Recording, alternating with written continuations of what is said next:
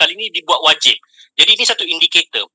Okay, jadi bila kita ada indikator yang mungkin ekonomi pun tak berapa elok, uh, kesihatan pun lumpuh dan sebagainya, there is one more imminent danger yang yang yang yang yang krisis looming yang tengah uh, kita hadap, iaitu uh, musim tengkujuh. Uh, kalau ingat uh, setiap uh, dekat hujung tahun kita akan ada masalah banjir yang sangat teruk. Um, ada yang okey sikit ada yang teruk dan sebagainya. Uh, jadi uh, masa ni ialah kita memerlukan lebih banyak kewangan uh, lebih banyak sokongan uh, sistem kesihatan. Dan yang paling merisaukan ialah kita perlu pindahkan ramai keluarga ke pusat-pusat sementara uh, yang di mana mereka akan berkumpul. Dan benda ni kat, ketika keadaan wabak covid ni uh, berkumpul ramai-ramai ni adalah satu perkara yang sangat tak baik lah jadi itu ialah kalau ikutkan kalau tanya saya apakah yang kenapa saya come up dengan uh, tajuk Malaysia adakah Malaysia di ambang krisis? Uh, ini yang saya maksudkan. Uh, adakah dengan keadaan kita sekarang kita boleh terima satu lagi bencana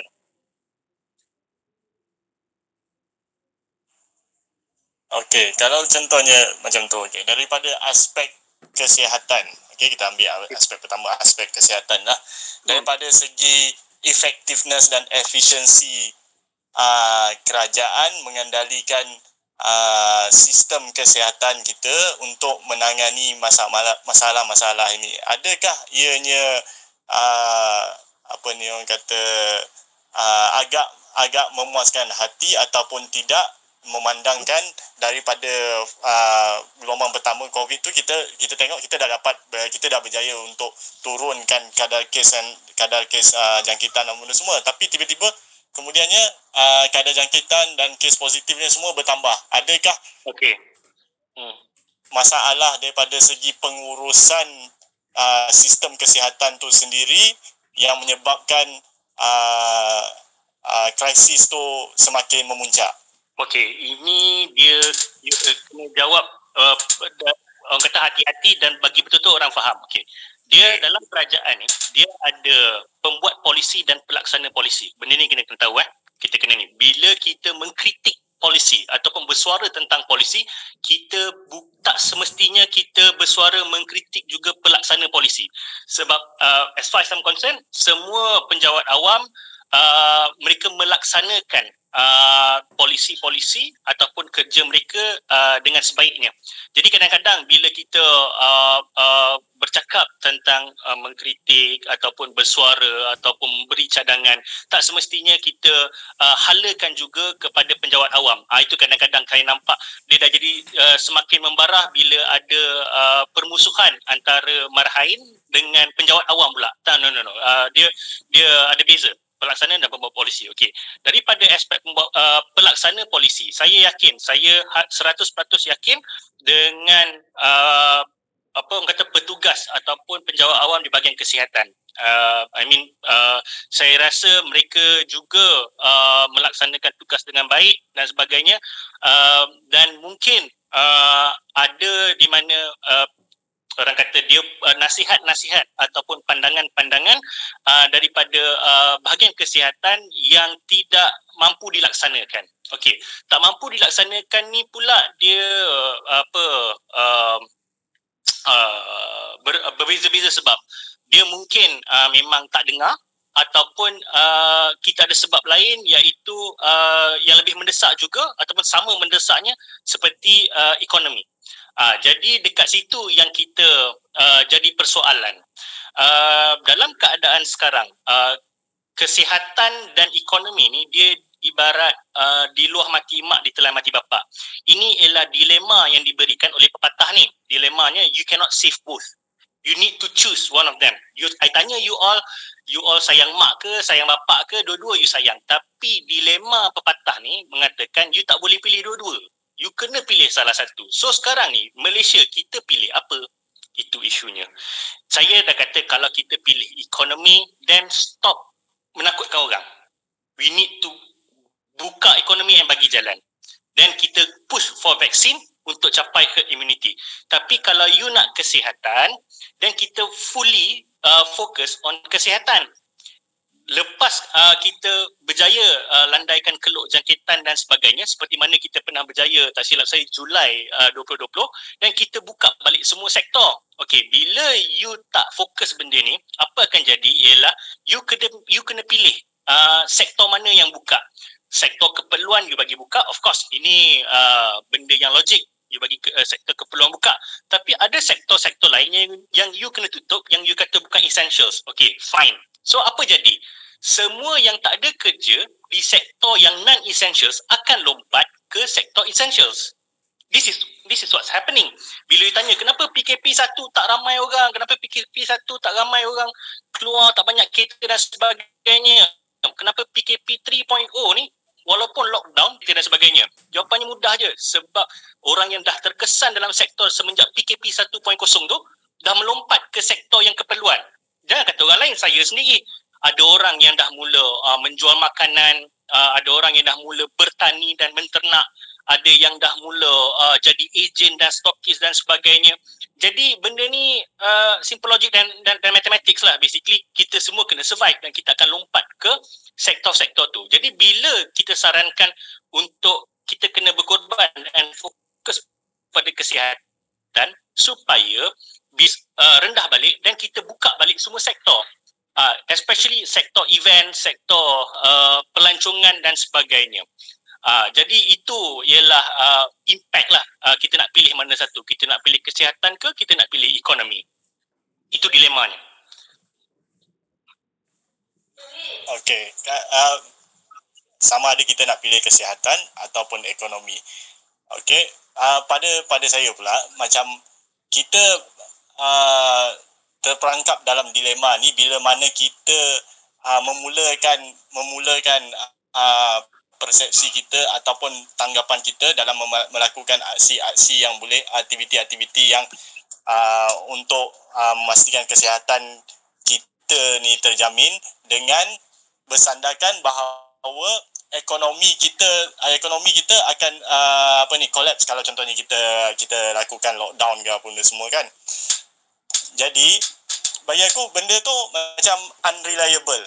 Sepatutnya dia kena specify kat mana kat mana uh, mana tahap ataupun tolerance yang boleh kita kita boleh adjust between uh, apa ni ekonomi dan kesihatan ni untuk memastikan kedua-duanya kita dapat bawa ke depan. Okay. Adakah benda tu adakah benda tu uh, apa ni orang kata uh, logik ataupun uh, sesuatu yang rasional bagi Jamali? Pada saya okey je sebab banyak negara pun buat macam tu. Uh, okey, uh, sebenarnya kita boleh uh, uh, grab dua-dua tetapi sepatutnya kita mula awal. Uh, macam saya kata uh, ada beza kita uh, lawan uh, 100 ataupun 1000 kebakaran dengan kita serentak dengan kita lawan satu dua kebakaran uh, serentak dekat situ sebenarnya uh, apa saja yang kita ini maksudnya lockdown dan sebagainya sebenarnya ia perlu dibuat Okey, saya jangan tanya saya saya pun tak tahu kenapa kita tak buat.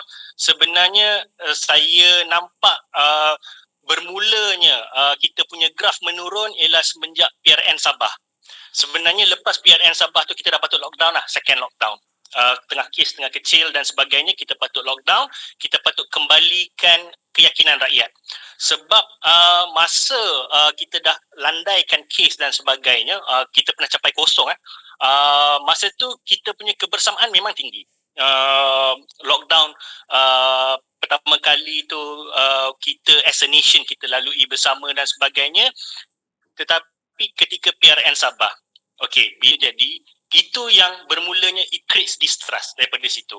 Okey uh, bila uh, you start buat uh, pilihan raya dekat sana dan sebagainya dan kes naik semula dah lah you tak lockdown uh, you per uh, lekehkan lagi uh, setengah pandangan yang benda ni kena lockdown dan sebagainya. So and and and you don't even uh, regret it or you don't even say I'm sorry we are sorry because kita mulakan balik setelah orang penat berke, apa uh, uh, um, mengurung diri dan sebagainya di situ bermulanya bibit-bibit orang kata cancer tu lah cancer distrust ni dekat situ dan membarahlah semenjak itu dan kali ni saya beritahu terus terang saya pun kalau saya jadi government saya pun tak tahu macam mana nak buat lockdown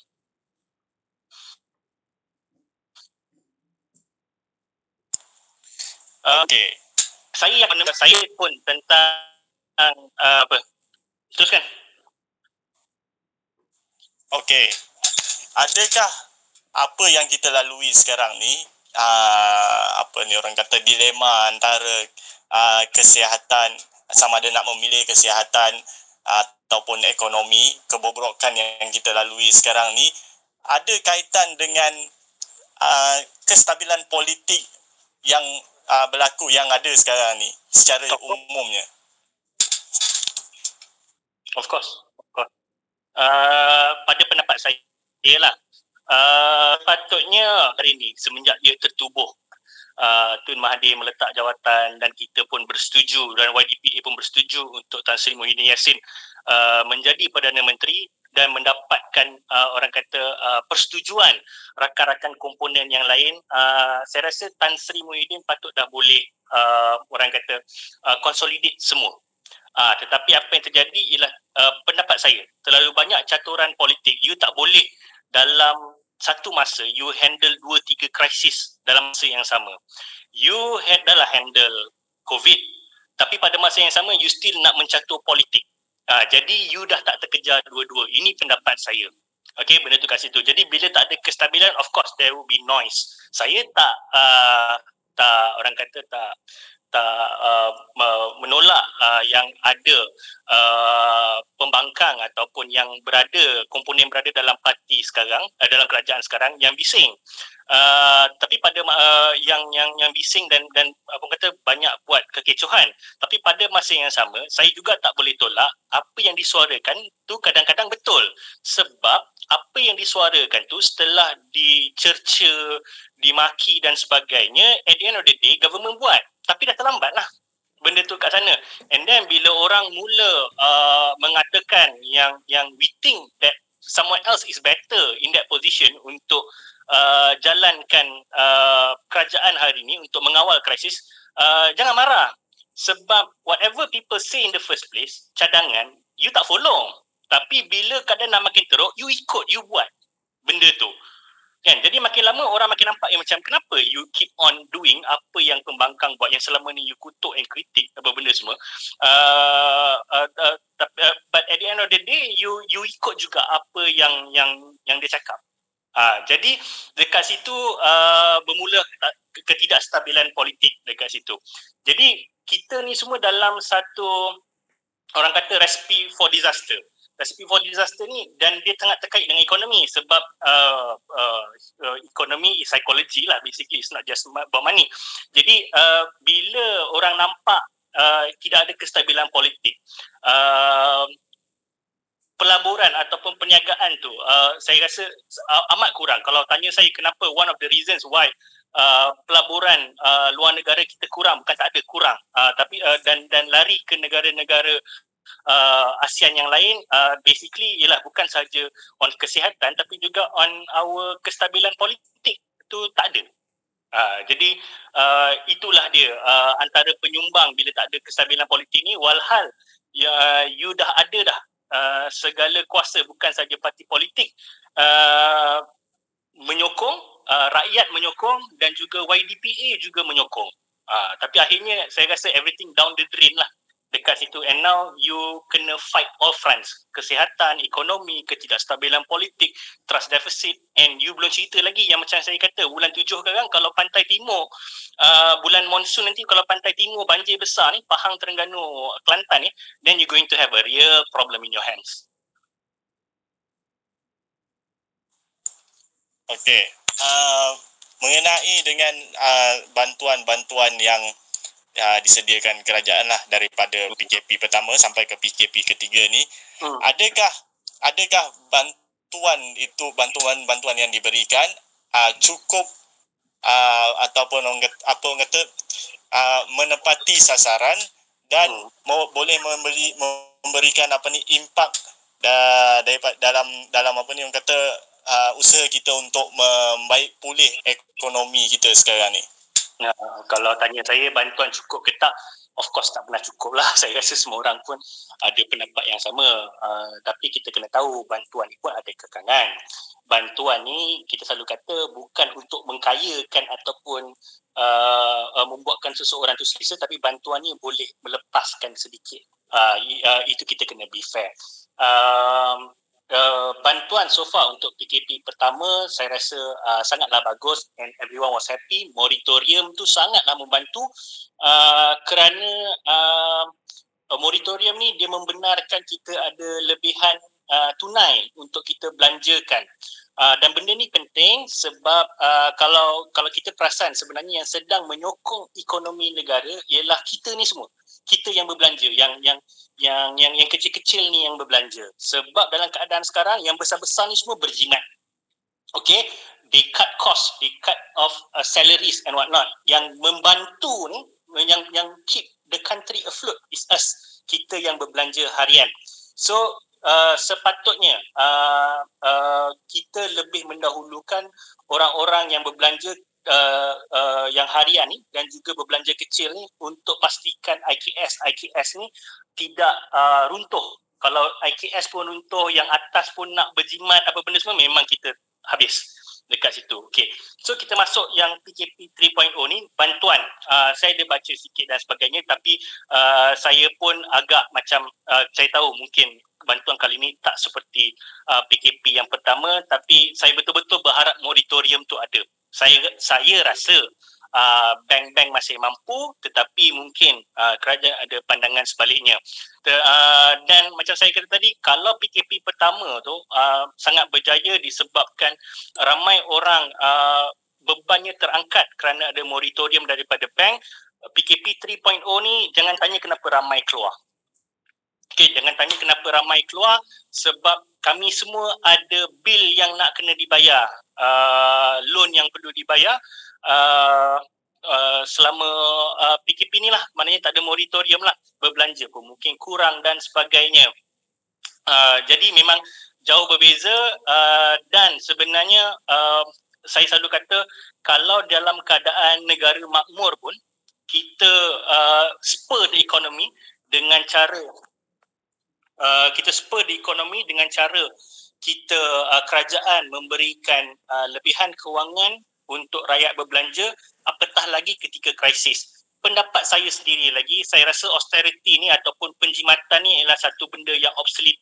Saya rasa benda ni benda zaman-zaman 80-an 90-an dulu boleh lah uh, buat. Tapi saya rasa zaman sekarang ialah zaman di mana uh, ramai uh, yang nampak sebenarnya uh, kerajaan harus menjadi lead untuk menunjukkan masih ada keyakinan untuk kita berbelanja, masih ada keyakinan untuk kita maju ke depan that all is not lost. Tapi kalau kerajaan pun mula berjimat, kerajaan pun mula potong memotong, apa yang boleh uh, uh, menghentikan daripada swasta melakukan perkara yang sama? Okay? Uh, se- uh, sebab kerajaan potong uh, ni uh, kita pun terpaksa uh, benda ni normal sebab uh, subsidi gula tarik 20 sen pun I teh tarik segelas naik 30 sen. So benda ni uh, dia punya impact besar. Impact apa saja government buat, impact dia besar. Dia akan dua kali ganda ataupun tiga kali ganda kepada orang bawahan dekat situ. Sebab itulah uh, saya merasakan bantuan kali ini bukan kita tak hargai tetapi saya rasa um, tak mencukupi tak mencukupi tu macam saya kata akan sentiasa tak mencukupi tapi saya rasa uh, boleh lebih lagi lah. Dia sebenarnya moratorium yang pertama dan juga uh, jangan uh, wajibkan potong. Kalau you nak buat sumbangan kalau you nak kata orang menyumbang ramai akan menyumbang. Tapi jangan wajibkan. Bila you kata wajib mandatory maknanya memang kena paksa. And there is totally something wrong dekat situ. It sends out a wrong signal Okay, bila mana kita uh, dapat lihat uh, mengenai apa ni trust deficit daripada kalangan rakyat itu sendiri daripada kepada kerajaan dan uh, mengenai cara mereka uh, mengatur ataupun uh, membuat perancangan dalam uh, usaha untuk mengatasi uh, krisis yang kita sedang hadapi sekarang ni.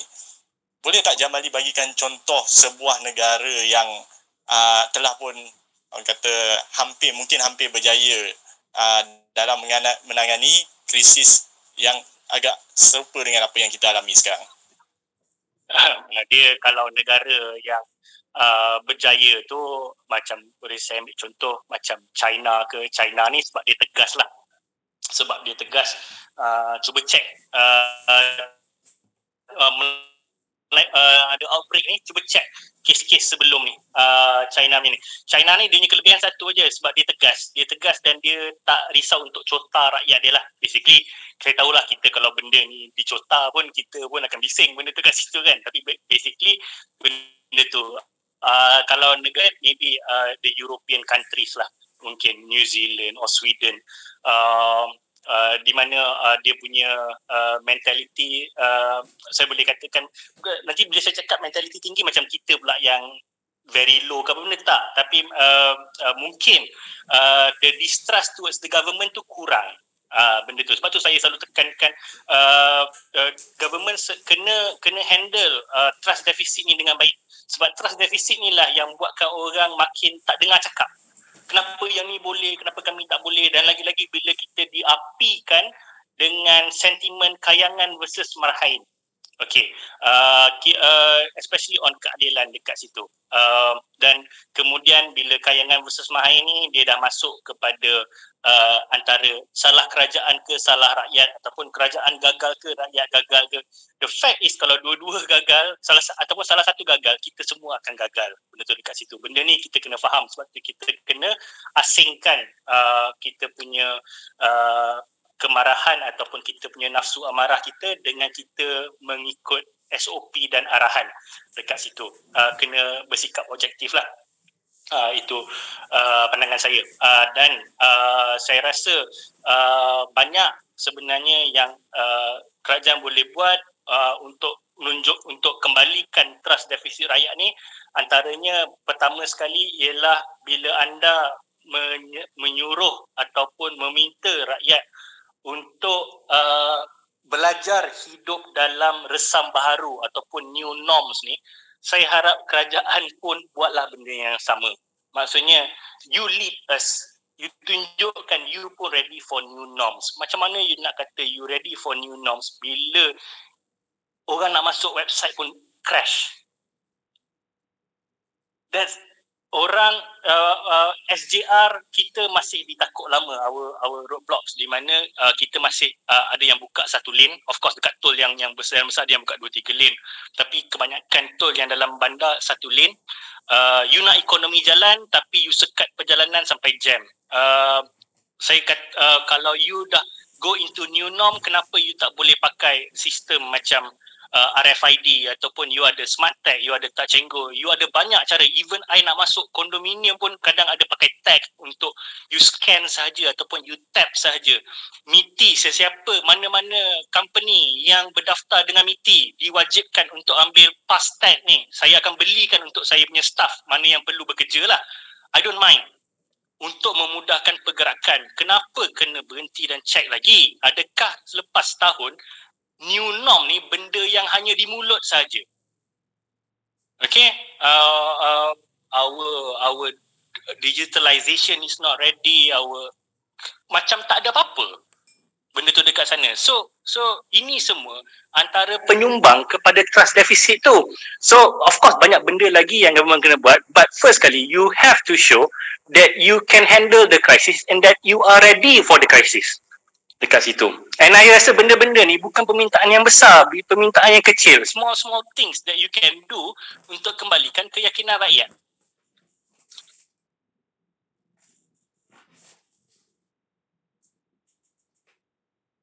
Saya putus lagi ke? Ah, okay. Um, okay. Daripada apa yang kita tengok sekarang ni, kan, apa yang berlaku mengenai uh, dengan kita punya sistem kesihatan dan sistem dan apa ni ekonomi kita adakah uh, ianya akan memberi kesan yang sangat sangat sangat apa ni orang kata sangat sangat uh, sangat sangat uh, radikal lah ataupun memberi kesan yang besar kepada golongan-golongan tertentu contohnya golongan urban middle class, middle class macam M40 ni nanti? Uh, kita selalu uh, nak rasakan uh, ia tidak akan berlaku kepada kita ataupun kepada negara kita. Bila kita tengok uh, negara luar makin teruk ataupun uh, ketidakstabilan yang apa orang kata uh, rakyat merusuh dan sebagainya, uh, the thing about us is kita selalu rasa uh, kita, kita takkan jadi benda tu. So kita dalam comfort uh, comfort zone kita kat situ. Tapi saya selalu tanya kepada orang apa yang siapa yang dah janji kat kita ni yang benda tu takkan jadi kat Malaysia. Tuhan pun tak pernah janji kat kita benda ni Malaysia akan aman sentiasa dan sebagainya. So uh, kalau dibiarkan ya, ia boleh uh, membarah. Okey. Uh, kalau tanya saya uh, cara-cara untuk atasinya pertamanya ialah memang dengan uh, kerajaan sendiri sedar uh, benda ni tengah membarah dan lakukan sesuatu ataupun uh, sometimes you just need a new face lah Okay, a new face ni bukan saya kata bagi kat pembangkang ke buat PR ke benda semua. Uh, daripada kalangan anda sendiri pun, eh, you know, you know, just someone else to lead. I don't know benda ni sebab nampak bila cakap benda ni, orang kata, yo, this is a subversive uh, punya message. Tapi uh, sometimes um, in leadership, uh, bukan bukan you tak bagus, bukan you tak elok, bukan you tak baik. You bukan bodoh. You don't you, you don't have to ask for Malaysians out there call me bodoh uh, uh, if you want. Tak perlu kan sometimes you if, uh, people just want a new uh, face or a new direction itu saja benda tu kadang orang dah apa ni kan tapi kalau uh, uh, rasa masih ada sokongan untuk ni dan uh, go on lah. Uh, mungkin uh, hanya segelintir sebab everyone lives in their own bubble sekarang ni. You rasa dekat kawan-kawan you kat media sosial semua tak suka kerajaan tapi kita tak tahu maybe ada satu uh, part lagi yang memang menyokong kita tak tahu benda ni. Uh, tapi itulah apa-apa pun for me lah for me myself I try to be very objective. Uh, so far, I rasa kita masih uh, belum, uh, kita masih menurun. Okay, uh, especially sekarang, PKP 3.0 ni uh, the idea of PKP 3.0 ni ialah untuk melandaikan kelop, betul? Okey. Uh, kita punya PKP ni 14 hari. Tapi DG pada 30 uh, uh, Mei yang lepas uh, Tan Sri Hisham mengatakan Malaysia memerlukan sekurang-kurangnya 4 bulan untuk landaikan kelop. 4 bulan eh. Uh, so PKP ni uh, 14 hari ni ada kemungkinan lah saya pun rasa memang tak mustahil lah kita akan ada tambah seminggu, ada tambah dua minggu dan sebagainya benda itu sekarang.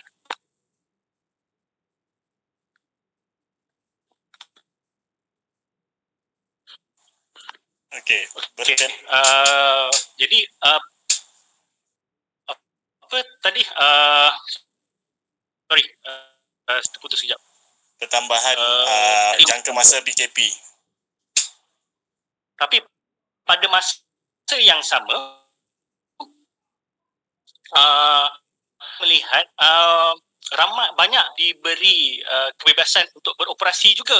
Hari ini uh, di media sosial uh, uh, dekat wall saya je lah penuh dengan ramai orang yang mengatakan uh, uh, macam tak ada apa yang berlaku macam tak PKP macam tak total lockdown Okay, so uh, berjaya tak kita akan keluar? Okay, itu soalan persoalan pertama. Persoalan kedua dia, sekarang ni uh, kita buat PKP dan kita bagi bantuan dengan cara uh, memotong uh, allowance penjawat awam uh, ke depan nanti akan ada lagi tak? Uh, ini ini yang benda yang kita nak kena tengok. Uh, kalau sekarang ni you opt out untuk buat uh, pemotongan allowance ataupun gaji, uh, nanti benda ni akan berantai. So next round of bantuan, lagi sekali potong gaji dan sebagainya. Betul you nak kesihatan, nak uh, uh, kat situ, you cannot win both dekat situ. Uh, uh, ini adalah dilema membawa kepada krisis. Ya,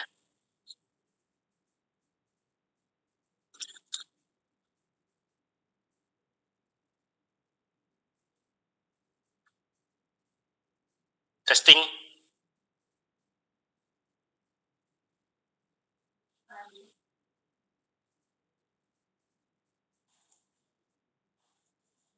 Test. Dengar.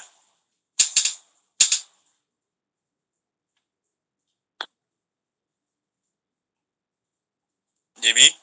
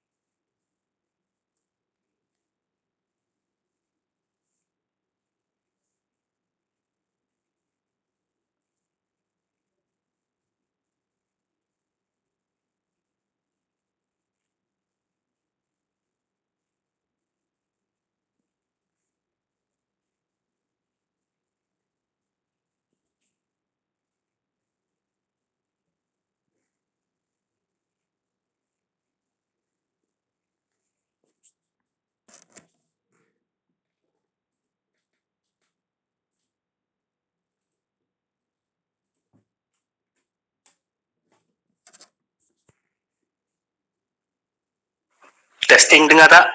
Testing. dengar dengar Okey. Saya keluar lepas tu masuk balik. Ada apa-apa yang saya tinggal tak?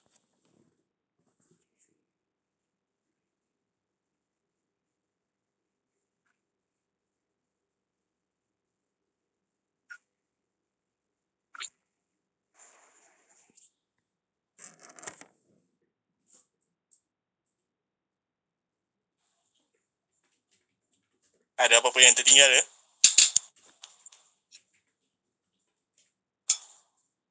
Ha, saya dengar. Uh, ada apa-apa yang saya tinggal ke sebab saya keluar untuk masuk balik. ah okey okey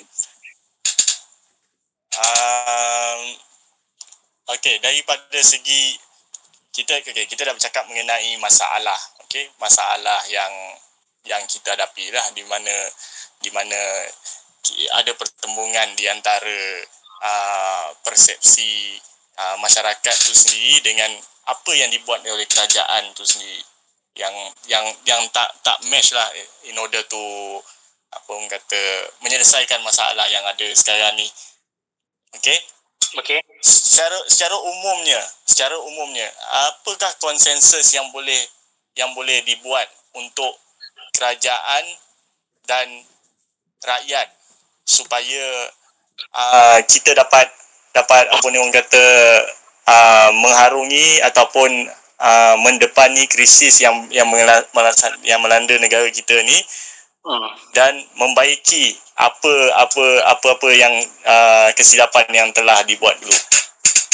Uh, saya rasa lah yang pertama sekali ialah uh, uh, government boleh consolidate balik first sekali ialah kestabilan politik uh, di mana uh, uh, parti yang uh, sedang berseteru bukan sahaja uh, di luar tetapi uh, juga di dalam kerajaan sendiri. Ni saya maksudkan lah tak payah nasional. Saya maksudkan di antara uh, PPBM dan juga UMNO. Uh, memang ada pergeseran kita nampak uh, ada camp-camp dan sebagainya. Jadi uh, consolidate dulu benda ni. Uh, maknanya benda tu kat situ. Dan kemudian cuba uh, gabungkan uh, beberapa mungkin pandangan daripada uh, ahli-ahli parti lain untuk uh, duduk sekali untuk memberikan uh, cadangan dan pandangan. Uh, sebab tu uh, kita selalu uh, bising pasal uh, parlimen uh, di mana perlu ada uh, uh, kesepakatan ataupun uh, mendengar daripada uh, semua pihak dekat situ. Sebab tu tak silap saya saya tak pasti siapa yang yang yang bagi cadangan tapi ada cadangan di mana diwujudkan satu dah tiba masanya untuk wujudkan satu jawatan kuasa khas untuk uh, untuk tangani. Uh, maknanya bukan saja daripada kerajaan daripada tapi daripada uh, pelbagai pihak untuk sama-sama duduk uh, bincangkan benda ni dan dikepelai ataupun diketuai oleh YDPA sendiri. Maknanya untuk krisis ni uh, kita handle. Okay. Uh, itu yang saya nampak lah untuk yang yang yang uh, apa uh, jalan pertama untuk uh, pastikan uh, kita tak lebih teruk uh, daripada sekarang. Yang keduanya mungkin macam saya kata tadi lah tapi uh, mungkin benda ni orang tak suka uh, saya cakap. Tetapi mungkin sometimes people just need a new face ataupun fresh ideas dan sebagainya. Tapi macam saya cakap itu terlampau subjektif dekat situ. Uh, so apa yang boleh buat ialah uh, start off dengan benda yang yang yang senang kontrol itu you consolidate your uh, politics dulu. Dan daripada sana uh, akan keluar satu of course akan keluar polisi baru ataupun rancangan baru dan sebagainya. Dan saya rasa benda ni mungkin rakyat boleh terima sebab ia bukan uh, daripada satu pihak saja. Uh, dia banyak stakeholders dekat situ uh, yang berbincang. Jadi ia it is a collective punya uh, uh, pandangan dekat situ.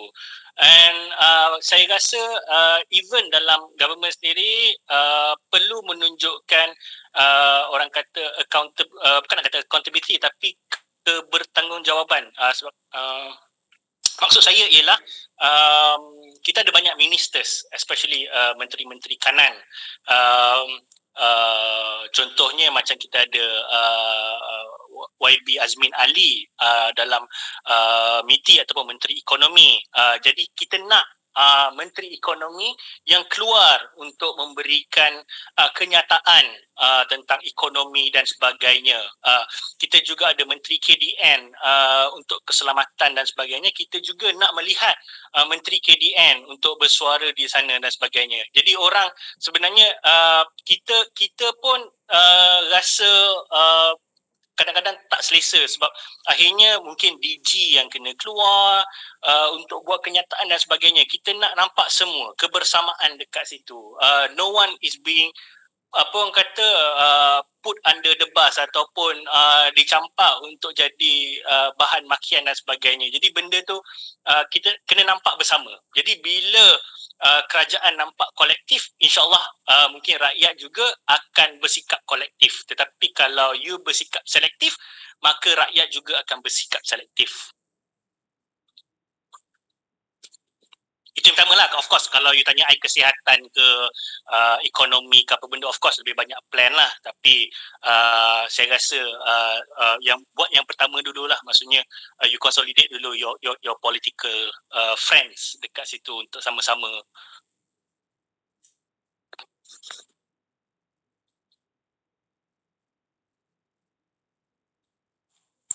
Okay, uh,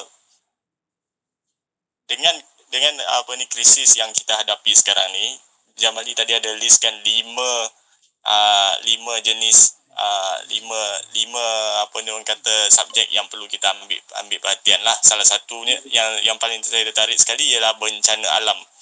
Bencana bencana bila man, bila mana uh, bencana alam ini uh, uh, terjadi Hmm. Uh, bukan bukan setakat covid je. Uh, dia pun akan apa ni orang kata uh, menyebabkan menjadi potensi yang mana kita punya sistem uh, kesihatan akan lumpuh juga. Betul. Okey. Uh, persoalan saya apakah langkah awal yang boleh diambil oleh kerajaan dan uh, masyarakat in order untuk mendepani masalah ni? Sebab ini masalah yang mendatang. So kalau nak tanya kalau masalah datang kalau dah ada dalam masalah tu dah ada dalam masalah tu sendiri baru kita nak fikir nak buat apa. Hmm. Ha, so apa apa apa ni cadangan ataupun plan yang boleh digunakan untuk kita mendepani uh, ancaman uh, bencana alam ni nanti. Okey, pandangan saya yang pertama mudah je. Untuk PKP kali ni kita tak boleh kalah kalau kita kalah yang ni kes masih tinggi kalau kalau terjadilah uh, bencana seburuk tahun alamak tahun yang memang teruk tu uh, tahun bila lah uh, saya lupa. Uh, tapi ingat uh, saya rasa ramai ingat yang masa tu uh, pantai timur banjir teruk uh, rumah banyak tenggelam. Sebab saya berada di lapangan masa tu saya rasa dalam dengan keadaan kita sekarang kalau bencana seburuk itu uh, kita sukarlah nak nak buat comeback dekat situ. Pada pandangan saya dengan sistem kesihatan yang hampir lumpuh uh, dan kita akan ada lagi kes-kes yang lain uh, uh, saya, saya tak boleh bayangkan. Jadi pentingnya untuk kita kena menang uh, PKP kali ini. Okey ini rakyat kena faham. Kalau kerajaan buat tak tahu pun you kena faham. You kena uh, kawal diri you kena bagi tahu kawan-kawan uh, Uh, kita boleh keadaan kita ni boleh menjadi bertambah buruk. Dan kita jangan jadi penyebab uh, self fulfilling prophecy. Kan? Maksudnya macam kita nak sangat tengok sebab kemarahan kita kita nak we want to see the government fail ke apa benda semua kan? Kita ikut nafsu kita kita uh, uh, suka. Tak jangan. Dia benda ni kalau kena kita jangan fikir diri kita. Kita fikir orang-orang yang orang tua. Kita fikir orang tua kita fikir kanak-kanak dan sebagainya. Uh, Uh, jadi uh, pertamanya benda ni uh, uh, saya harap juga government put across. Benda ni juga kalau ada yang mendengar kemungkinan ni they, they have to put across. Uh, yang yang we have to win this. Uh, we have to win this because kalau jadi bencana uh, buruk uh, uh, di musim monsun nanti uh, then uh, kita akan uh, lebih teruk daripada ni. Uh, dan kita akan tengok total meltdown lah dekat situ. Uh, dan uh, benda yang paling saya tak gemar kalau masa uh, jadi benda macam tu ialah uh, jenayah akan meningkat. Okey, jenayah ada anasi yang cuba masuk negara dan sebagainya. Even hari ini pun uh, kalau ada yang perasan ada berita pasal uh, airspace kita kena kena ceroboh oleh 16 pesawat tak silap saya. Uh, jadi uh, inilah dia bila kita dalam keadaan yang lemah, kita tak terkejar-kejar, yang dikejar tak dapat jadi kendong berciciran, ekonomi tak ke mana, kesihatan tak ke mana, kestabilan politik tak ke mana, uh, uh, kebersatuan rakyat entah ke mana.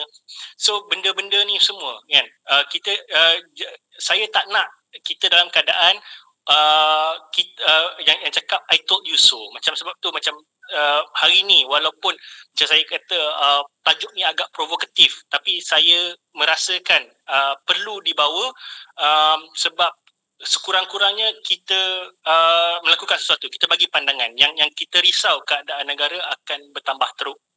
Uh,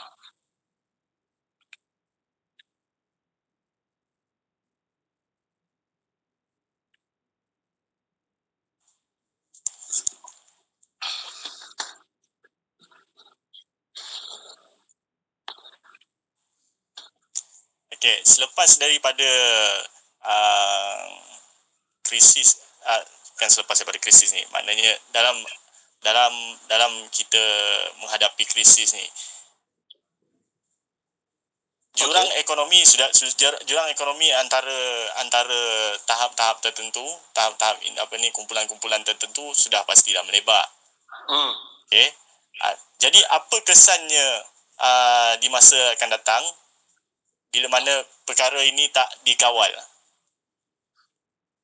Uh, ni uh, macam saya katalah uh, sukar sebenarnya uh, saya pun uh, apa kata tak adalah nak nak nak hentam sangat ke benda. Tapi saya pun faham kekangannya. Macam saya kata tadi uh, jurang ni antaranya akan melebar ialah uh, ianya besar berdasarkan sektor.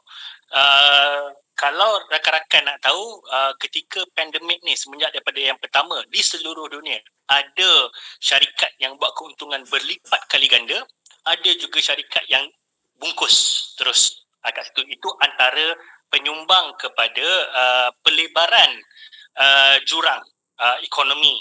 Uh, benda ni uh, tak boleh nak tak boleh nak salahkan siapa sebab uh, it's cycle of life. Akan ada time tu orang memerlukan benda ni ada yang tak perlu dan sebagainya. Okay, benda tu. Cumanya uh, bila jadi benda macam tu the next thing yang akan jadi ialah orang akan ramai melompat ke ke dalam uh, segmen tu tapi yang bagusnya mungkin blessing in disguise selama ni Malaysia tak pernah uh, cukup uh, apa orang kata uh, hasilkan makanan sendiri di mana kita perlu masih perlu mengimport makanan daripada luar. Mungkin ini satu blessing in disguise sebab ramai rakan-rakan yang pergi ke sektor pemakanan dan juga peternakan dan uh, pertanian dan perikanan so basically memang uh, uh, alhamdulillah sebab sepatutnya sektor tu masih terbuka luas okey tetapi ada dua kekangan dekat situ number one um, ialah barangan import. Okey, benda ni kena kawal. Sebab hari itu, uh, uh, baru-baru ni, eh, dua minggu lepas, ada pelbagai sayuran import masuk. Sedangkan kita punya, especially cili lah. Kalau siapa yang uh, bermain dengan cili apa benda, uh, akan tahulah ramai yang tengah bising. Cili dengan kobis, yang yang yang yang antara yang yang uh, terkesan lah. Di mana cili punya price jatuh teruk dekat situ sedangkan uh, kita produce cukup Uh, jadi uh, ramai yang bising tetapi saya tak nampak uh, tak ada maklum balas lah daripada uh, ataupun ada maklum balas tapi tak nampak di media. Tapi memang tak ada uh, uh, orang kata uh, yang orang uh, punya komplain dan sebagainya tu dia hilang macam tu je. Dekat situ. Uh, mungkin orang reda ke benda ke. Uh, tapi sepatutnya uh, ia patutnya blessing in disguise di mana bila ramai pergi kepada pertanian dan penternakan dan perikanan dan sebagainya sepatutnya uh, segmen tu masih terbuka luas. Uh, tapi macam saya kata tadi yang pertama import. Yang kedua dia ialah kena pastikan rakyat masih boleh berbelanja. Okey, uh, uh, benda ni penting. Maknanya rakyat nak terus berbelanja dan sebagainya. Uh, sekarang ni makanan tengah mahal. Eh, in fact semua benda tengah mahal sekarang um, antara yang tengah uh, menjadi isu dalam uh, penjualan orang kata retail ni satu kos logistik naik uh, 400% 300% uh, kos uh, pembuatan ataupun besi naik uh, kos plastik naik uh, kos uh, dedak naik. Jadi semua kos tengah naik sekarang. So uh, it's either you kawal harga you you you intervene and and and you kawal semua harga-harga ni ataupun you pastikan rakyat ada keyakinan untuk berbelanja lah. Uh, and memotong gaji ni ataupun memotong allow ni dan mewajibkan mandatory kan ia is not the way you you sebenarnya membuatkan orang macam oh okay uh, kalau benda ni dah wajib most probably next pun akan jadi lagi and maybe more you potong. So right now we have to save. Oh ini kita tak nak adalah uh, ekonomi kita yang tengah orang yang bawahan yang tengah menyokong dengan berbelanja. Apa kalau once you save lagi uh, lagilah teruk dekat situ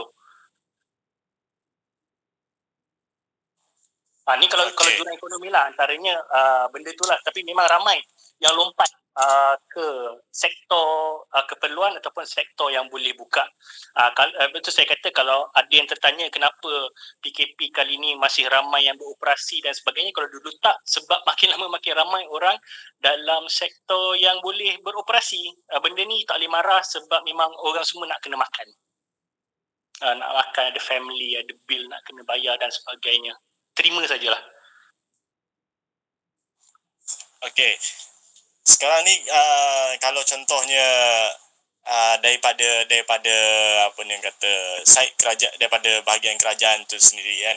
Aku melihat aku melihat uh, uh, kerajaan uh, nampaknya macam beria-ia untuk uh, apa ni orang kata memburu wa, wa, pendatang asing tanpa tanpa izin sekarang ni kan se, se, sehingga kan ada sehingga kan ada yang apa ni yang kata uh, menjadikan per, uh, perkara tu macam satu keutamaan pula dalam apa ni dalam dalam memastikan dia uh, mereka mendapat apa ni orang kata uh, persepsi persepsi yang positif daripada rakyat.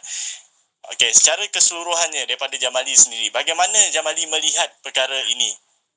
Adakah uh, ianya okay. adakah adakah ianya uh, sesuatu yang positif daripada segi uh, pentadbiran tu sendiri ataupun uh, dianya sesuatu yang negatif yang tak perlu dilakukan buat okay. masa ni pertama sekali sejujurnya uh, saya pun tak tahu ada ke uh, macam uh, lock apa crackdown uh, uh, dekat parti ni semua. Sebab saya yang saya nampak masa PKP pertama tu sajalah. Yang kali ni tak nampak mungkin benda baru ataupun mungkin bukan dalam circle saya. Okey tetapi ada uh, bagaimana impactnya kepada rakyat? Okey yang pertama uh, impactnya uh, daripada surface uh, saya boleh katakan mungkin positif sebab uh, kalau saya lah yang buat crackdown ni on semua parti illegal party ni apa benda ni semua uh, saya punya naratif ialah uh, selain daripada isu kesihatan kita save uh, mana kita hantar balik kita kurangkan orang uh, yang yang yang orang luar untuk uh, kita kena rawat uh, pada masa yang sama kita boleh kata kita sebenarnya menyediakan pekerjaan uh, kepada rakyat Malaysia. I think that would sit well dengan ramai rakyat macam oh more work for us. Tetapi kita kena tengok balik apa sektor pula. Okay, uh, the fact is uh, tak ramai yang uh, nak bekerja di sektor-sektor yang banyak dipenuhi oleh warga asing ni. Uh, saya tak kata sebab malas, saya tak kata sebab 3D, sebab saya rasa uh, ramai dah bagi pandangan sebenarnya it's not about the work or the condition of the work tetapi lebih kepada how much you are getting paid kalau you kena bayar tinggi, ramai nak bekerja di sana. Contohnya orang-orang yang dekat Jepun atau dekat Australia di mana mereka pun tak kisah untuk bekerja dalam sektor 3D ni. Okay, tapi untuk first glance, it, it, it will sit well lah dengan rakyat kalau you go narrative macam saya cakap tadi. Tetapi mungkin kepada dia akan jadi satu masalah kepada uh, usahawan pula ataupun syarikat di mana macam saya kata tadi tak ramai yang nak uh, bekerja di uh, sektor tu. Jangan kata sektor yang keras saja. Even sektor pekerja am sekarang pun susah nak cari sebab kita sedang uh, mengalami satu letupan uh, gig economy di mana lebih ramai yang uh, berminat untuk bekerja sebagai uh, delivery uh, disebabkan masa kekangan masa tak banyak apa tak tak macam bekerja pejabat dan sebagainya. Uh, tapi uh, itulah saya kata depends lah daripada perspektif mana you datang. Uh, benda semua akan sentiasa ada positif dan negatif. Uh, hanya lepas benda tu jadi baru kita nampak impact dia macam mana. Tapi untuk first uh, untuk naikkan uh, uh, uh, rasa uh, nationalism uh, untuk uh, uh, nampakkan kerajaan nak fokus kepada rakyatnya bekerja dulu, I think will see good.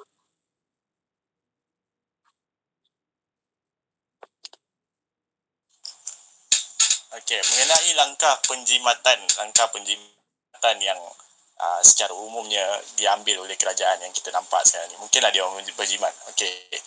Apakah uh, dia punya apa ni kata kesan terhadap persepsi-persepsi dari daripada pelabur-pelabur luar? Uh, penjimat uh, to be fair uh, saya rasa saya tak pasti yang yang mungkin akan ada lepas ni yang yang mungkin boleh betulkan tapi penjimatan ni Uh, saya tak rasa lah kerajaan terlalu berjimat sebelum ni cumanya uh, isu penjimatan ni naik uh, sebe- apa uh, hari ni rasanya yang masa nak buat uh, potongan allowance tu dan sebagainya. Jadi timbul balik. So uh, apa yang kita nak ialah kita uh, kita tak nak benda ni dibudayakan. Uh, tapi sebelum-sebelum tu saya uh, tak nampak sangatlah uh, kerajaan ni nak berjimat sangat ke apa benda semua. Even day one pun harga 35 juta. So tak ada jimat dekat situ pun. Okay. So uh, uh, tapi untuk pelabur luar sebab kes ni baru naik jadi kita uh, isu ni baru naik kita pun tak boleh nak kata uh, bendanya uh, confirm akan tarik pelabur ke apa benda semua itu pun saya uh, tak pasti.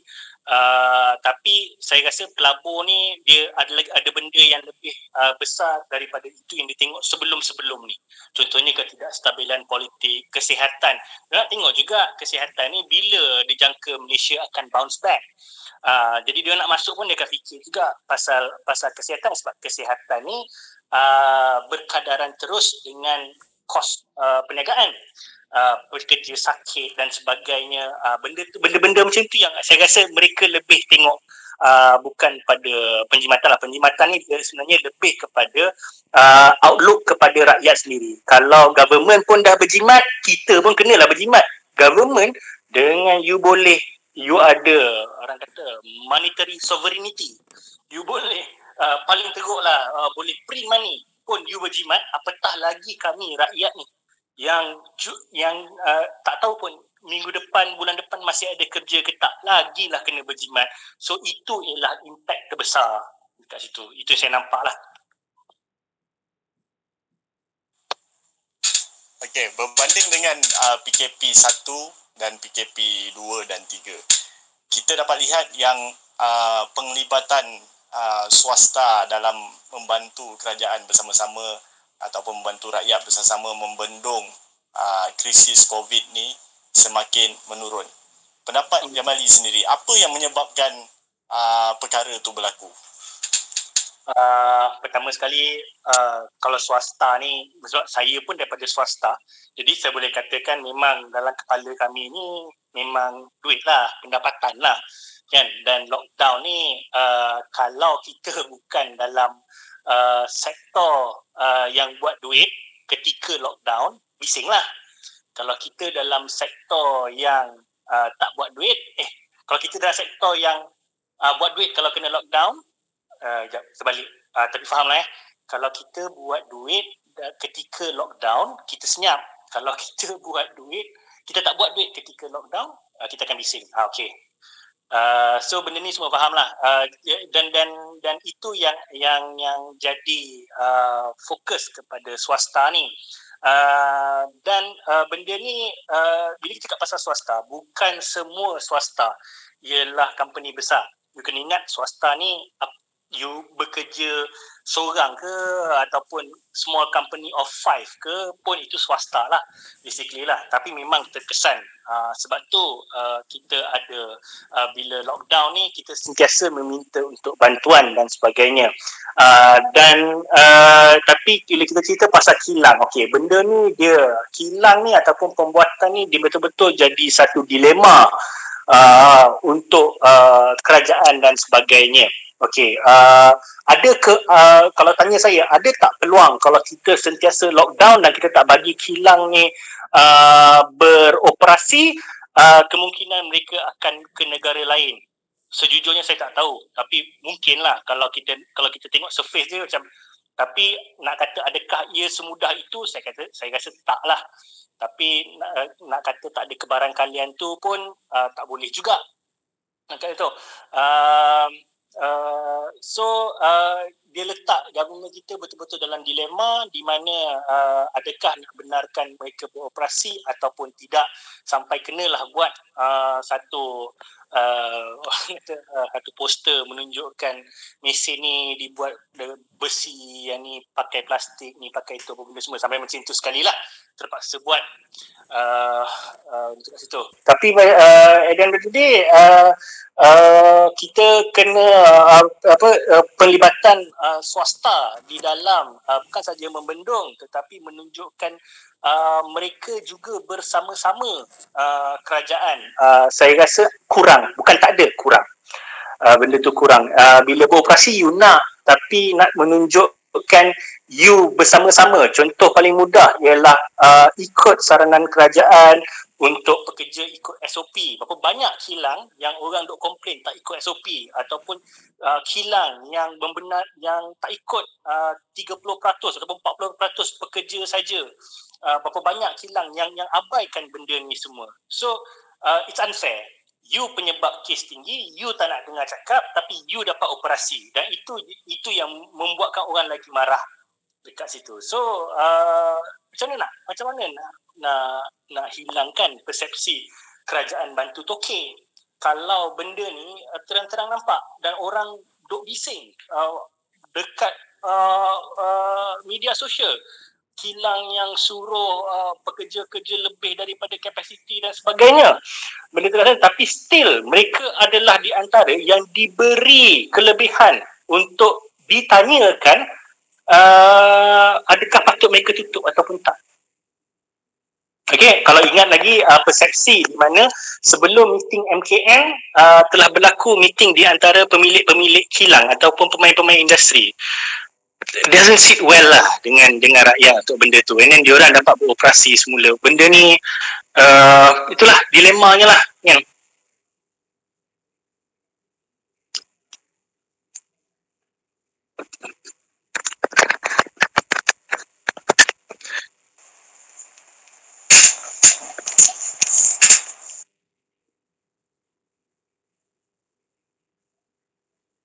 Saya putus ke apa?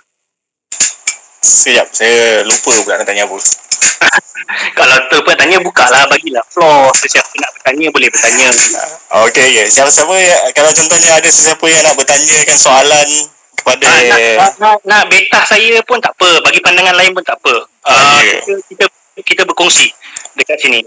Dia sepatutnya hari ni, uh, Ted, kita punya host ni, ditugaskan untuk membetah saya. Tapi macam dia tak betah apa pun eh, tak ni pasal pasal apa ni orang kata uh, aku pun kurang kurang apa ni kan kurang kiranya kurang ambil tahu sangat lah pasal sebab banyak, macam macam macam macam polarize sangat. Ah so jadi ah ya yeah, of course of course. Ah, ah, ah, sebab bendanya macam polarize sangat kan. So aku ambil pendekatan untuk observe apa yang apa yang jadi lah. Betul. Kira betul. macam tu. Uh, polarization uh, of issues ni dekat sekarang ni memang memang hmm. kuat. Even yang kawan dulu pun boleh uh, orang kata sebab kita banyak sangat kritik dan sebagainya pun boleh bermasa muka. Uh, benda tu normal dalam krisis benda tu semua normal. Uh, dan dan yang lagi menyakitkan hati ialah you baca uh, views yang pro dengan anti Uh, dua-dua ada hujah menarik. Dua-dua ada hujah betul. Sebab, sebab tu dia dipanggil dilema. Tak ada betul dan tak ada salah. Tetapi kita kena cari ataupun kita kena pilih apa yang terbaik. Uh, itu itu kita punya dilema sekarang. And, uh, susah nak kata betul dan salah sekarang. Uh, mungkin very minimal lah yang yang yang paling saya saya rasa uh, kalau tanya saya yang paling saya memang saya rasa saya uh, benda ni tak ada betul atau salah ialah saya memang merasakan krisis management kita macam tak bersedia. Uh, saya tak tahu orang lain lah tapi ini memang memang memang saya I have no orang kata memang kalau you kata kita krisis management bagus memang kata tak lah. Memang saya kata tak. Kita dah setahun lebih kita tak bersedia apa pun. Itu menghampakan lah, menghampakan uh, saya sebab uh, bila ni ni eh, bila sebab bila saya tanya uh, uh, macam mana dengan uh, uh, isu-isu yang yang diperjuangkan selama ni terutamanya uh, kes adib. Dan kata sabar tunggu uh, kita kita fokus on covid. Even when you focus on covid pun you fail. It's frustrating lah. It's frustrating for me. Okay? Tapi um, bukalah floor bagilah kalau siapa nak bertanya. Uh, uh, nak share pendapat ataupun sebagainya. Okay, uh, kita buka lah uh, untuk sesiapa yang uh, nak jadi speaker dan bertanya kepada uh, JB mengenai apa yang uh, beliau terangkan tadi lah. Ada sesiapa yang tanya ke? Cuba PM Helmi ke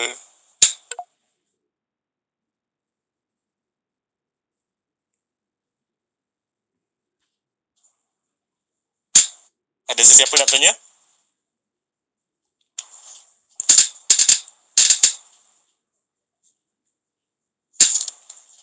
Kalau tak teruskan je.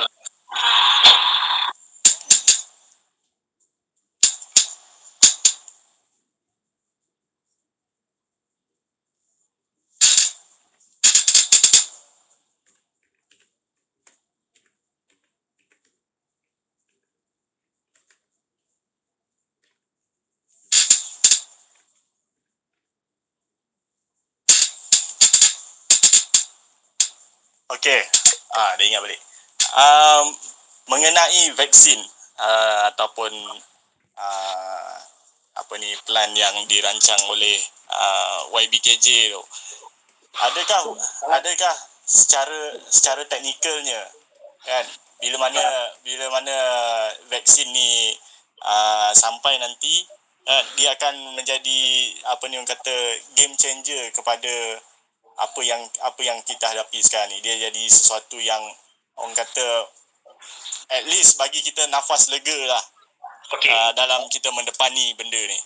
Okay, soalan ni baik. Uh, sebab uh, saya merasakan ya vaksin ni akan uh, jadi game changer.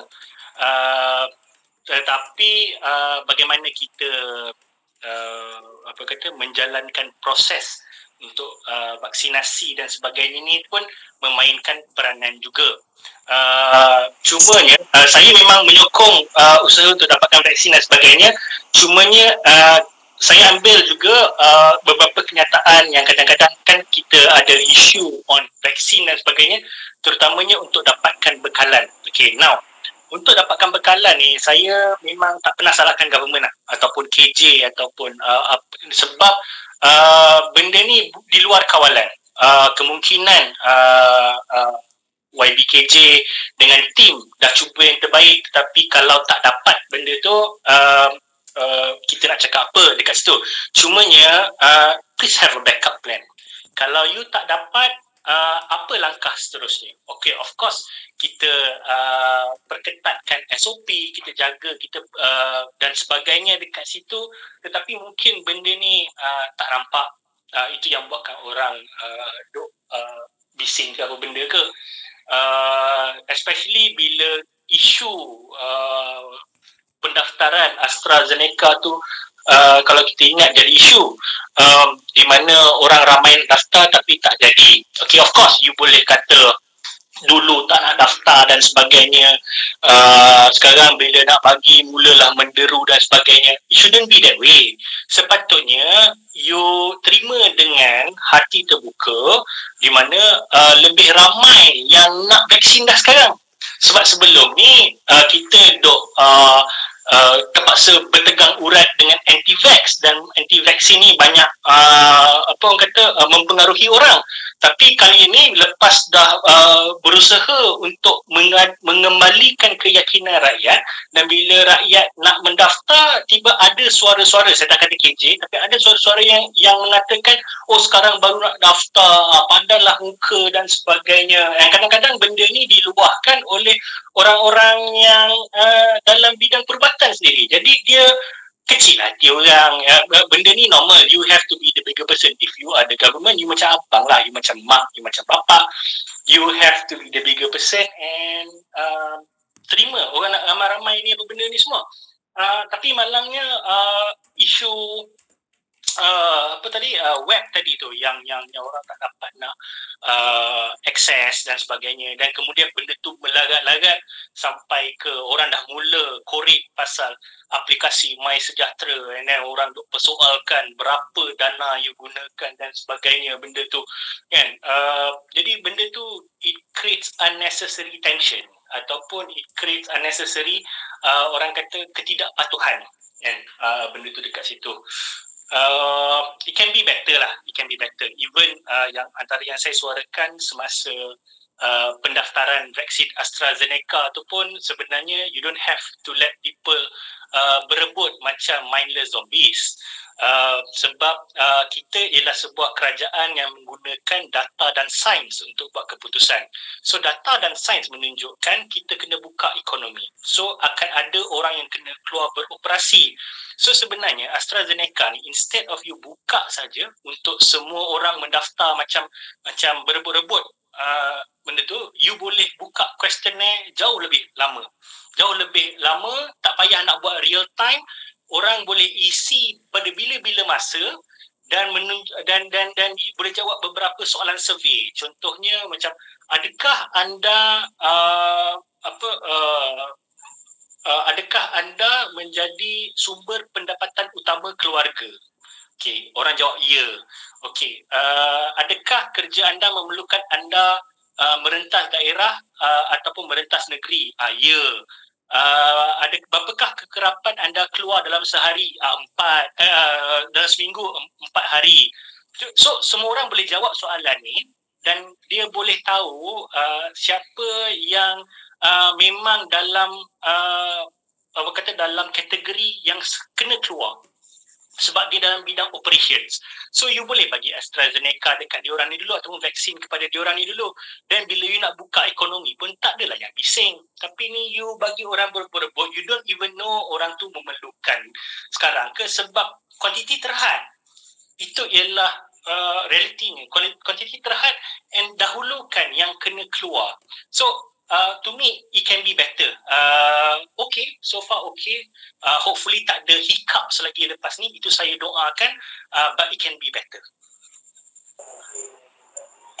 Uh, saya ada pandangan sikit lah bang. Boleh boleh silakan. Ah uh, tentang vaccination ni. Silakan silakan. Vaccination ni kita faham, kita tahu dalam satu dunia ada masalah shortage ni. Betul? Kita satu dunia dalam shortage Indonesia bising apa semua bising. Sebab apa negara-negara maju dia order apa vaksin vaksin ni uh, tiga kali ganda empat kali ganda jumlah Betul. rakyat dia. Betul.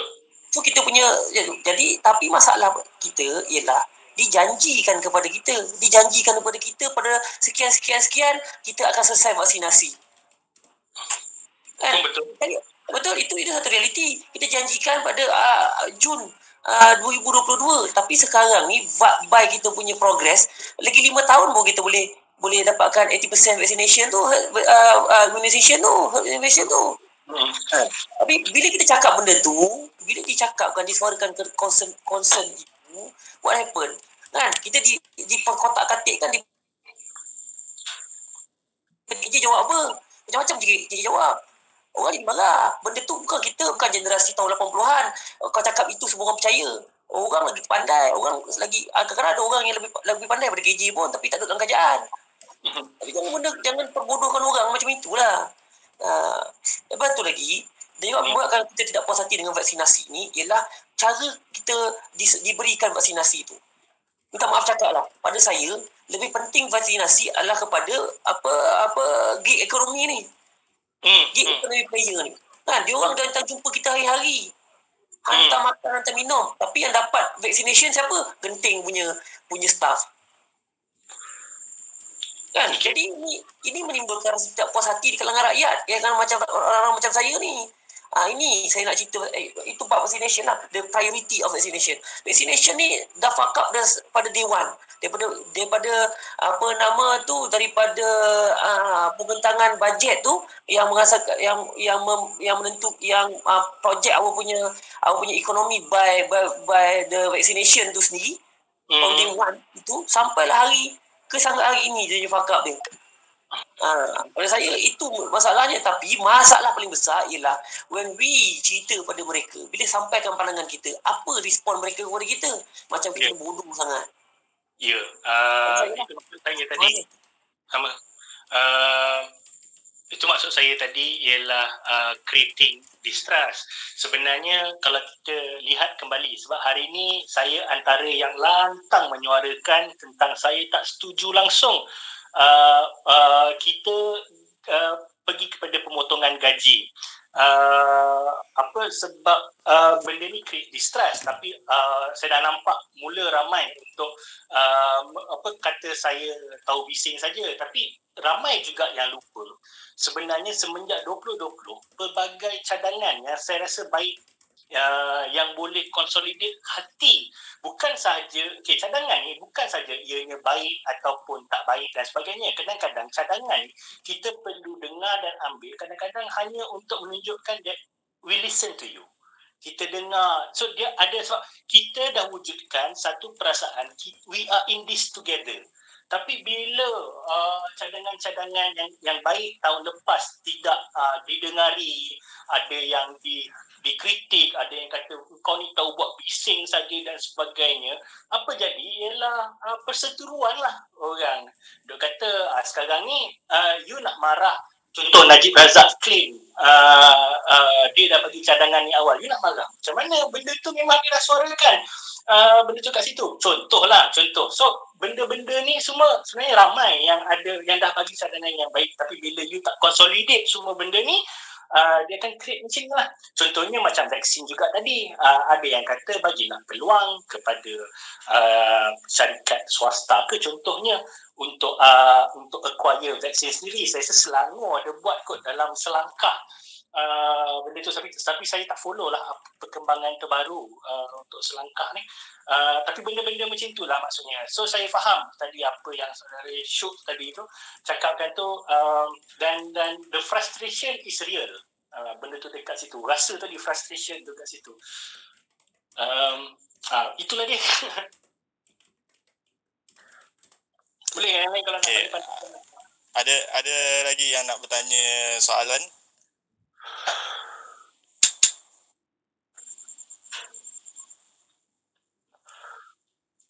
kalau ada yang nak bertanya soalan uh, just bagi emoji tangan tu nanti uh, ID akan bagi peluang untuk cakap. Ya. Kenapa kau tak ni lagging ni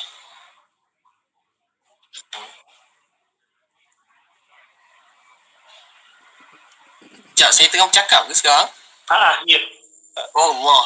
Sebab komputer lagging, sorry. Sebab guna apa? Blue Stacks. Apa so, tak? dengan... Sekejap, saya nak tanya satu soalan pada saudara Jamali. Ya. Pada pendapat saudara kan, sebab tadi saudara cakap pasal trust deficit tu satu. Okay. Dan bisa duk menyebarkan agenda dia orang kan. Mm-hmm. Dan salah seorang yang selalulah juga dapat banyak serangan anti vaksin daripada tahun lepas. Kalau siapa yang follow macam tahun lepas siapa yang pernah dengar cerita apa? USM University CA Malaysia. Pernah Hmm. dengar? Itu asalnya daripada saya punya kira scat ada anon tak guna hantar jadi saya memang dah banyak lah terima serangan-serangan anti-vax ni. Mm-hmm. tanya uh, adakah uh, ada tak cara untuk kerajaan tangani masalah anti-vax ni? Sebab undang-undang dah ada, kuasa dah ada tapi kenapa dia orang macam tak nak take action terhadap anti-vax? Okey, uh, soalan yang baik tapi uh, dalam soalan tu pun ada jawapan dia iaitu kita ada undang-undang cuma kita tak kuat kuasakan. Okey. Uh, yang pertama uh, uh, satu reality of different views ni kita kena terima. Uh, tak ada tak ada benda dalam dunia yang takkan ada orang pertikaikan ataupun persoalkan. That is human nature. Okay, so anti-vax ni kita anggap memang akan ada dan uh, pro dan anti ni akan sentiasa ada. Okay. Uh, tetapi pada masa yang sama, uh, ini antara benda yang saya uh, suarakan ialah pertamanya ialah uh, kuasa darurat. You ada kuasa mandatory.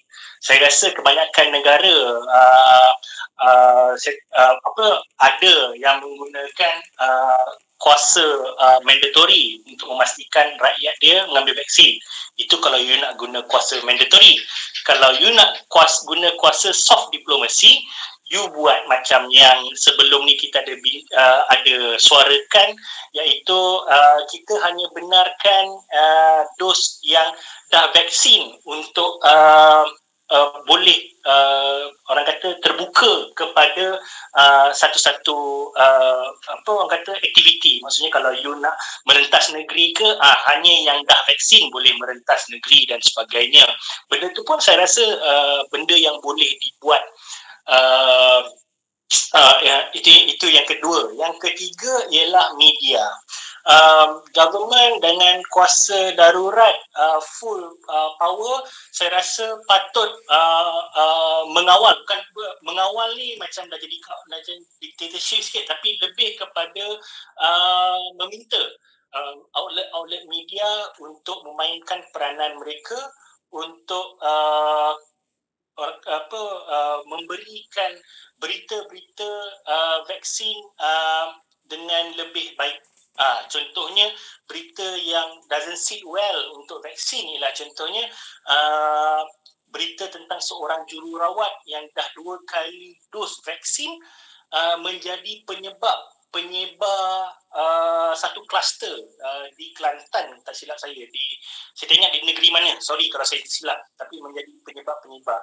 macam benda ni of course benda ni betul tetapi uh, uh, ramai yang uh, jadi buah mulut orang ialah ah tengok dah vaksin dua kali pun still bawa uh, ada covid. Memang siapa pernah kata vaksin ni uh, boleh merawat COVID. Vaksin ni cuma untuk meningkatkan daya tahan kita supaya kita tak uh, kalau kita kena uh, apa kata dijangkiti pun tak sampailah nak kena ke ICU dan sebagainya. I think that has been always been the message uh, yang uh, yang kita baca tapi uh, media tidak memainkan peranan. So saya berpendapat dengan kuasa darurat dan juga uh, uh, JCOM yang ada uh, dengan dana yang uh, diperuntukkan kalau tak silap saya uh, 80 ataupun 40 saya sedang kurang separuh ke benda tapi saya tak ingat lah tapi ada uh, dan patutnya dikerahkan lebih untuk uh, fokus kepada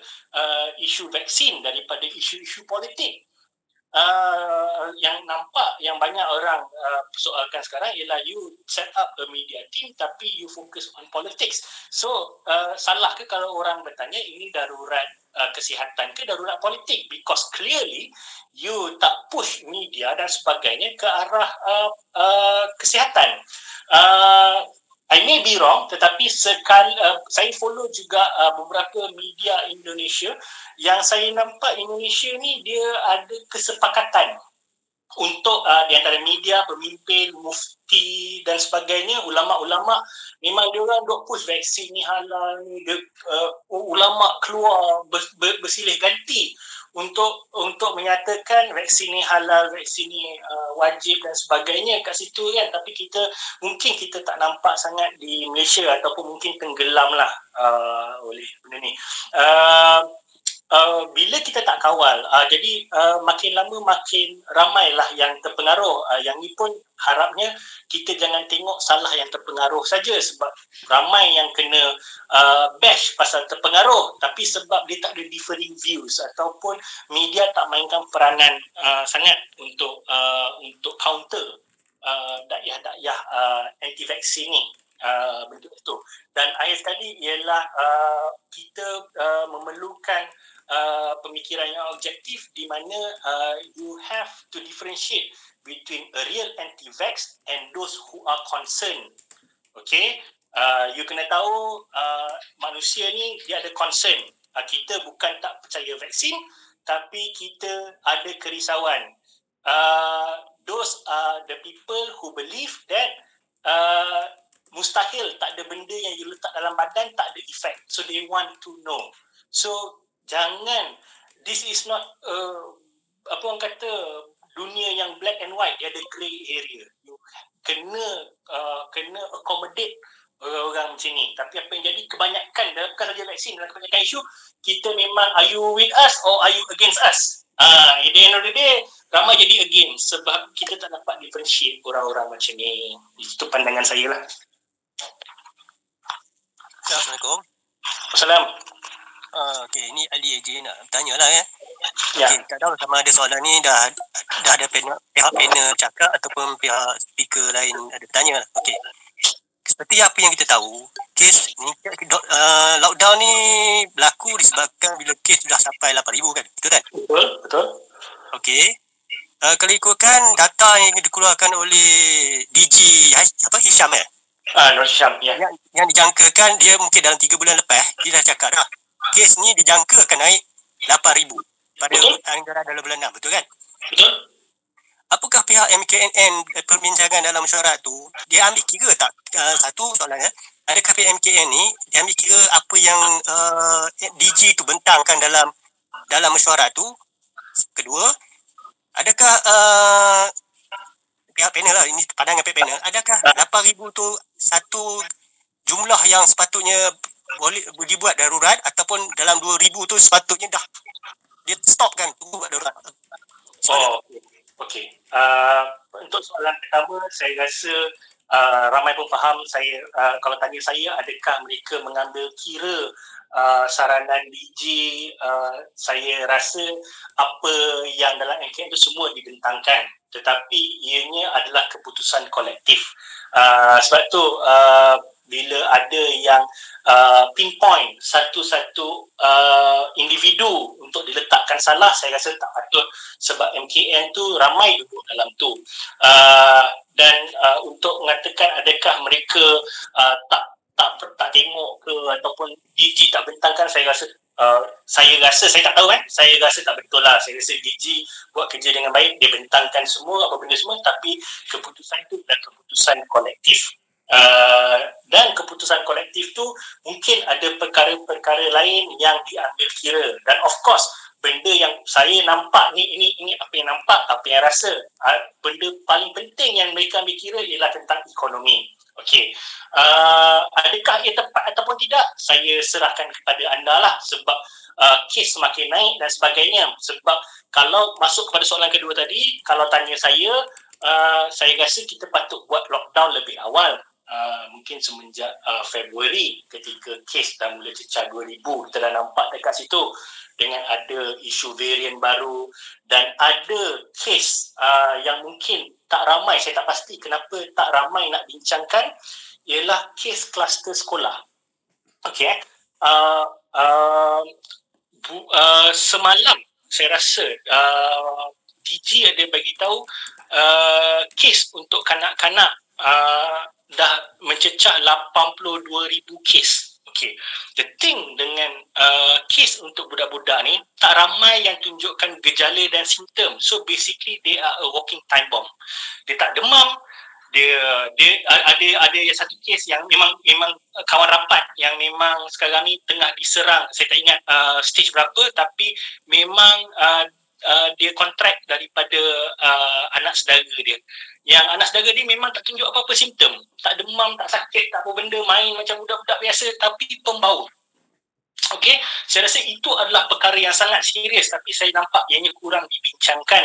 Benda tu dekat situ. Uh, dan uh, benda tu sepatutnya daripada awal dulu kita dah uh, lockdown. Uh, saya rasa pembukaan sekolah tu satu perkara yang sangat tak patut. Uh, tapi uh, itulah sebab kita tak ada dalam dalam keadaan tu kita tak tahu uh, apa data mereka ada. Cumanya kalau nak ikutkan uh, negara-negara uh, lain uh, mereka nak memastikan uh, kalau ada uh, ekonomi mereka tak lama tutup. Sebab tu banyak negara yang kes tinggi sikit je terus lockdown. Uh, saya rasa mereka ni berpendapat better lockdown 14 to 21 days daripada kita kena lockdown 4 bulan. Uh, macam DG cakap kalau sekarang nak, nak nak nak apa nak landaikan uh, kes uh, sekurang-kurangnya 4 bulan. Saya tak rasa kita semua sanggup PKP lockdown macam PKP pertama tu 4 bulan walaupun diberi bantuan. Okay, so uh, benda-benda macam ni lah yang yang kita selama ni risaukan di mana uh, we are at the point of no return. Uh, kita dah terlepas window tu, window yang kita patut buat lockdown, uh, mungkin 14 ke 21 hari ataupun paling kuat 2 bulan. Tapi sekarang we are talking about a lockdown, a total lockdown of 40 of 4 months. Uh, saya tak tahu macam mana dia orang akan terima benda ni dan dan dan dia mem- mencipta satu lagi persoalan ialah adakah PKP 3.0 ini akan berjaya kalau tak berjaya macam mana penerimaan masyarakat so um, uh, benda-benda macam inilah and bila saya kata penerimaan masyarakat uh, saya lebih risaukan uh, ketidakpatuhan. Ketidakpatuhan ni sangat bahaya. Uh, orang akan jadi pembawa orang akan ke mana-mana dan sebagainya. Uh, itulah itu yang saya risaukan lah. Uh, kalau macam soalan saudara tadi adakah uh, soalan kedua tadi adakah patut lebih awal? Jadi saya rasa pendapat saya ya kita kita patut lebih awal lagi. Kita patut kawal kes lebih awal lagi Okey. Uh, untuk yang yang terakhirnya apa kesimpulan yang Jamali boleh buat? Tadi ada orang, uh, Sean, Sean Roland, uh, dia angkat tangan tadi. Okay, oh, Sean, Sean Roland. Okay, bagi Sean Roland untuk tanya.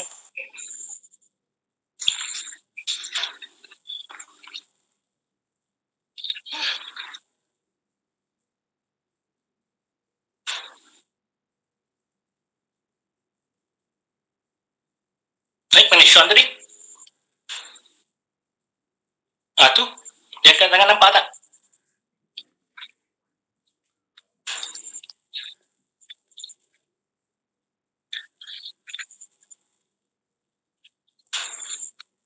Kejap eh Sean, uh, manalah kita punya host ni?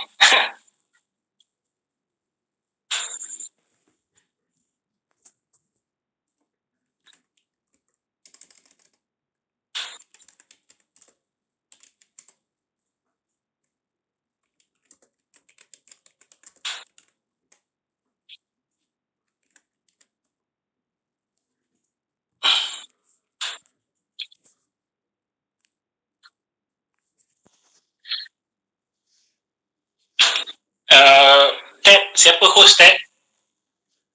Ah, ID dia dia dia akan approve. Okay. ID ada ke? Nampak ke dia?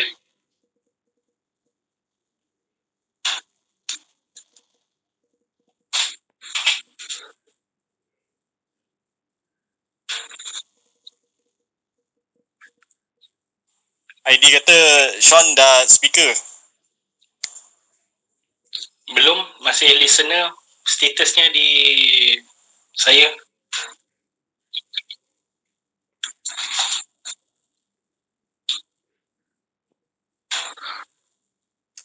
How can I?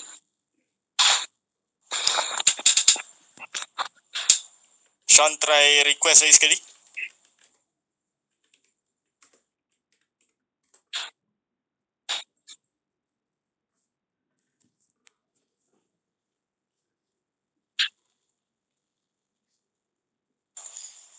Sean try keluar dulu dan request saya sekali. Keluar dulu, masuk lepas tu request saya sekali. Okay, sementara Sean nak settlekan tu, awak nak tanya apa tadi? Ted? Uh, tak ada apalah saja. Just nak suruh buat kesimpulan lah. Oh, macam okay. mana macam mana kita kita sebagai rakyat ni persediaan kita sebagai rakyat ni uh, secara psikologi secara fizikalnya kan dalam dalam mengharungi ataupun mendepani uh, krisis ni daripada segi daripada segi penerimaan kita ataupun daripada segi uh, tanggungjawab kita untuk sentiasa check and balance atau apa benda apa apa ni orang kata setiap setiap maklumat yang apa ni orang kata uh, ber, ber, bertukar ganti lah yang apa ni yang kita hadapi sekarang ni lah. Uh, okay. Uh, dia dalam dunia ni, dia ada masalah yang uh, kita ada uh, keupayaan untuk uh, kita boleh disiplinkan diri. Maksudnya kalau kita disiplinkan diri, uh, kita takkan uh, kurang risiko kita untuk terlibat dalam masalah tu. Uh, tetapi malangnya wabak ni dia memerlukan semua. Semua uh, masyarakat uh, ataupun rakyat. Sebab rakyat ni saya selalu kata sesiapa yang memegang IC Malaysia dia ialah rakyat Malaysia. So bila kita bila kata dia memerlukan seluruh rakyat Malaysia untuk menjayakannya dia termasuklah kepimpinan dan sebagainya. Saya sangat uh, puji dan hargai mereka yang uh, push for kawalan kendiri, for stop lockdown dan sebagainya. Tapi uh, saya nak kata uh, at the end of the day you punya small comfort zone tu, that your small comfort zone tu dikelilingi oleh red zone. Di mana akan ada orang yang tak dengar cakap akan ada orang yang tak mampu kawal diri, ada orang yang sebab tu kita ada undang-undang, sebab tu kita ada penguatkuasaan. Bila you cakap saya pelik rakyat Malaysia ni, tak boleh ke kawal diri. Dia, dia macam you cakap, saya pelik tengok manusia, dia tak boleh ke stop mencuri. Macam it's absurd kan? So memang itulah keadaannya. Di mana kita dalam keadaan di mana uh, law and order is uh, important uh, benda tu dekat situ. Of course hari-hari pun important tapi untuk wabak ni uh, uh, dia lebih lagi. Uh, sebab tu uh, kita dalam kita push supaya semua orang jaga diri, uh, sanitasi tangan selalu dan sebagainya, kawal diri dan sebagainya. Pada masa yang sama uh, kita perlukan juga uh, bantuan uh, ataupun uh, satu polisi yang lebih uh, orang kata lagi mantap daripada kerajaan untuk uh, kuat-kuasakan juga uh, untuk bantu sama-sama sebab akan ada degil uh, benda ni akan ada yang degil dan kita dah nampak lah daripada orang yang uh, rentas daerah, rentas negeri yang pergi uh, apa uh, pasar raya, naik LRT dan sebagainya. Benda tu kat situ. Kadang-kadang bukan orang degil, kadang-kadang orang terpaksa dan sebagainya. Okay, jadi uh, uh, kalau tanya, apa dia the only way yang kita akan uh, keluar daripada uh, permasalahan ini ialah dengan bersama. Uh, dia saya tak nampak uh, cara uh, lain. Mungkin bolehlah you seorang-seorang you apa benda ni semua kan. Itu ialah tanggungjawab kita lah. Tapi as a country kalau kita nak uh, orang kata keluar daripada uh, masalah ini ia perlu uh, dijalankan uh, oleh semua pihak uh, dengan uh, baik. Dia tak boleh salah satu uh, orang kata tak bergerak ataupun tak dengar cakap dan sebagainya sebab itulah pentingnya tadi uh, kenapa uh, uh, krisis ataupun wabak kali ini dia uh, perlu kebersamaan semua. Benda ni sebenarnya unprecedented untuk modern day Malaysia lah. Untuk kita, saya panjang saya, uh, kita ada kita, uh, kalau wabak pun, uh, wabak yang uh, bukan uh, apa orang kata uh, mudah jangkitannya macam macam uh, COVID kita mungkin ada SARS kita mungkin ada uh, pelbagai wabak lain tapi dia tak seteruk uh, COVID kali ini I think uh, this is uh, one of the first time yang uh, modern day Malaysia hadap benda ni. I think uh, modern day world pun sebenarnya uh, So uh, dan uh, benda ni bila saya cakap macam tu bukan saya cakap kosong bukan saya nak benda sebab kita kena tengok uh, negara- negara-negara lain juga mereka keluar kerana mereka bersama. Of course akan ada yang tak bersama lah tapi uh, ada setengah benda yang rakyat tak boleh buat iaitu kuat kuasakan polisi. Kuasa tak ada di tangan kita. Kita tak ada uh, kuasa untuk menahan, kita tak ada kuasa untuk uh, uh, apa orang kata uh, mengetatkan sesuatu ataupun melonggarkan sesuatu. Um, jadi dia perlu uh, kebersamaan lah. Dan itu juga sebabnya kenapa uh, saya uh, nak uh, orang kata uh, kita bercakap pasal topik ni. Sebab topik ni bukan topik uh, uh, in silo. Dia dah jadi satu nation punya kerja. Kat situ. So itulah dia. Uh, uh, saranan saya ialah okay first of course kita jaga diri. Uh, kita buat apa yang kita mampu tapi pada masa yang sama uh, uh, kita ingatkan orang lain uh, jaga family terdekat kita jiran kita uh, terutamanya uh, dan juga uh, teruskan memberi uh, cadangan-cadangan yang bernas. Uh, dan uh, akhir dan paling penting apa saja perasaan anda kepada kerajaan hari ini jangan dibakulkan sekali dengan ketidakpatuhan SOP itu saya minta sangat. Sebab an, kal, apa uh, uh, kita tak boleh gagal. Kalau nak kata uh, you you suka pakai hashtag kerajaan gagal apa benda tapi jangan kita gagal sama. Uh, so uh, uh, you marah ke you kecewa ke you ada apa-apa apa ni pun uh, kepatuhan SOP tu jaga. Uh, dua perkara berbeza. Uh, sebab yang sakit you yang yang berjangkit your family. Uh, you tak nak okay Ya, tapi uh, tadi Sean ada lagi ke? Ada nak ni? Ataupun ada yang lain ke? Nak bagi pandangan ke? Ah, tu Sean ada. Boleh bagi dia?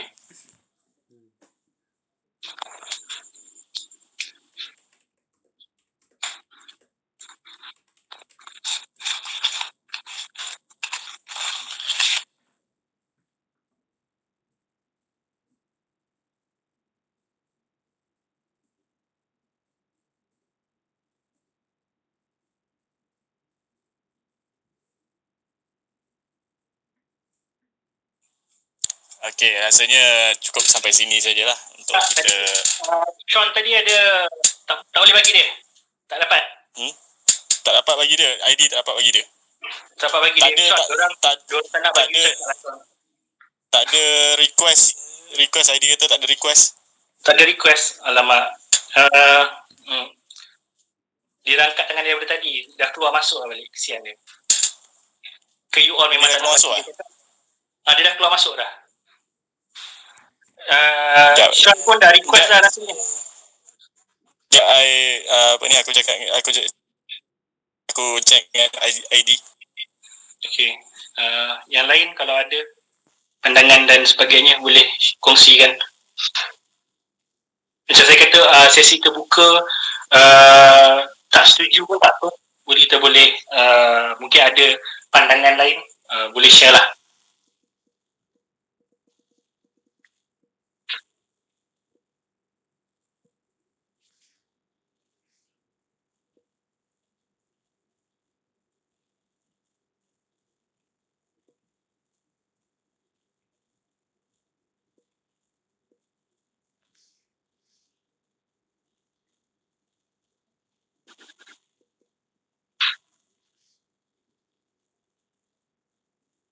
Ted rasanya Sean kalau tak dapat tak apalah. Uh, kesian yang lain menunggu. Okey, Boleh ada lagi tak? Ada lagi tak yang lain nak bertanya kepada uh, JB mengenai apa yang kita bincangkan hari ini?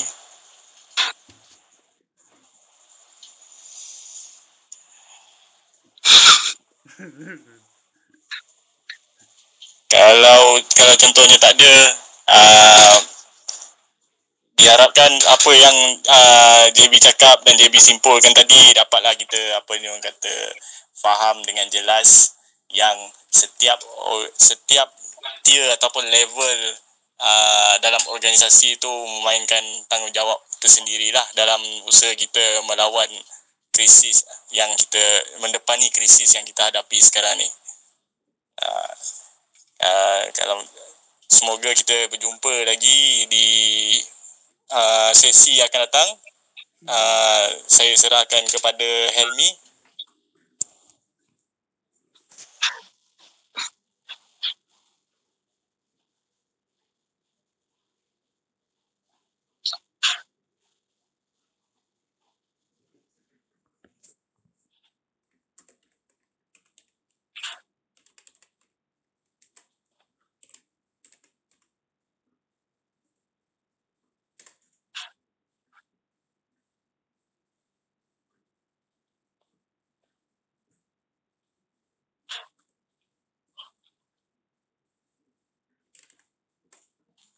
Helmi.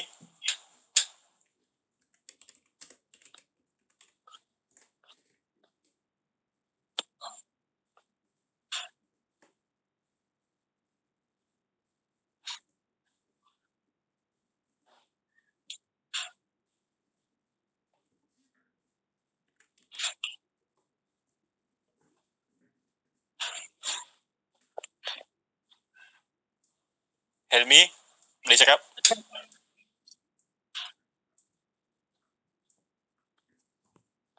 Kalau tak ada awak nak tutup majlis. uh, Helmi dia nak apa ni? Dia nak apa ni bagi tahu pasal buku. Oh, okey.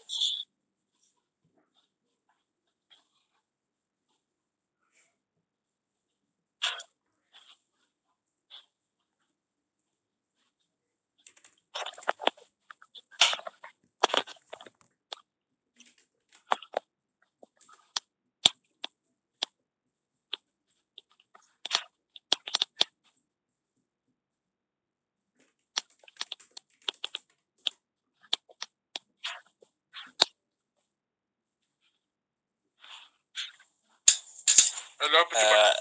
Uh, uh, Helmi, Minta maaf, okay. uh, tadi ada masalah sikit Twitter. Uh, Twitter saya jadi saya live sekejap. Okey, macam ni. Saya nak maklumkan bahawa jualan untuk Shopee dan web store kami yang ditutup untuk sementara waktu tadi akan dibuka jam 12.30 malam ni. Uh, buku yang dah habis iaitu dengan campur tembok 1 3 pada jualan sebelum ini akan dibuka semula.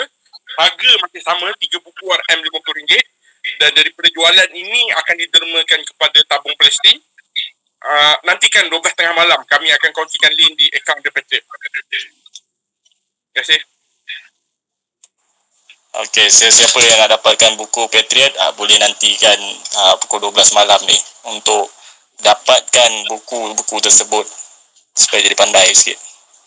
Okey. Terima kasih semua yang hadir pada malam ni. Semoga kita bertemu lagi di masa akan datang. Assalamualaikum. Terima kasih semua uh, yang buruk uh, datang daripada kelemahan saya yang terkasar bahasa semua kelemahan saya. Saya minta maaf kalau ada yang tersinggung. Uh, saya harap uh, uh, perkongsian tadi bawa manfaat. Uh, kalau ada kritikan apa benda tak boleh nak uh, suarakan di sini. Uh, boleh saja dalam bentuk tulisan uh, dan juga uh, tag saya. InsyaAllah kalau ada kesempatan saya akan jawab ataupun saya akan bagi pandangan saya. Terima kasih semua. Terima kasih. Terima kasih.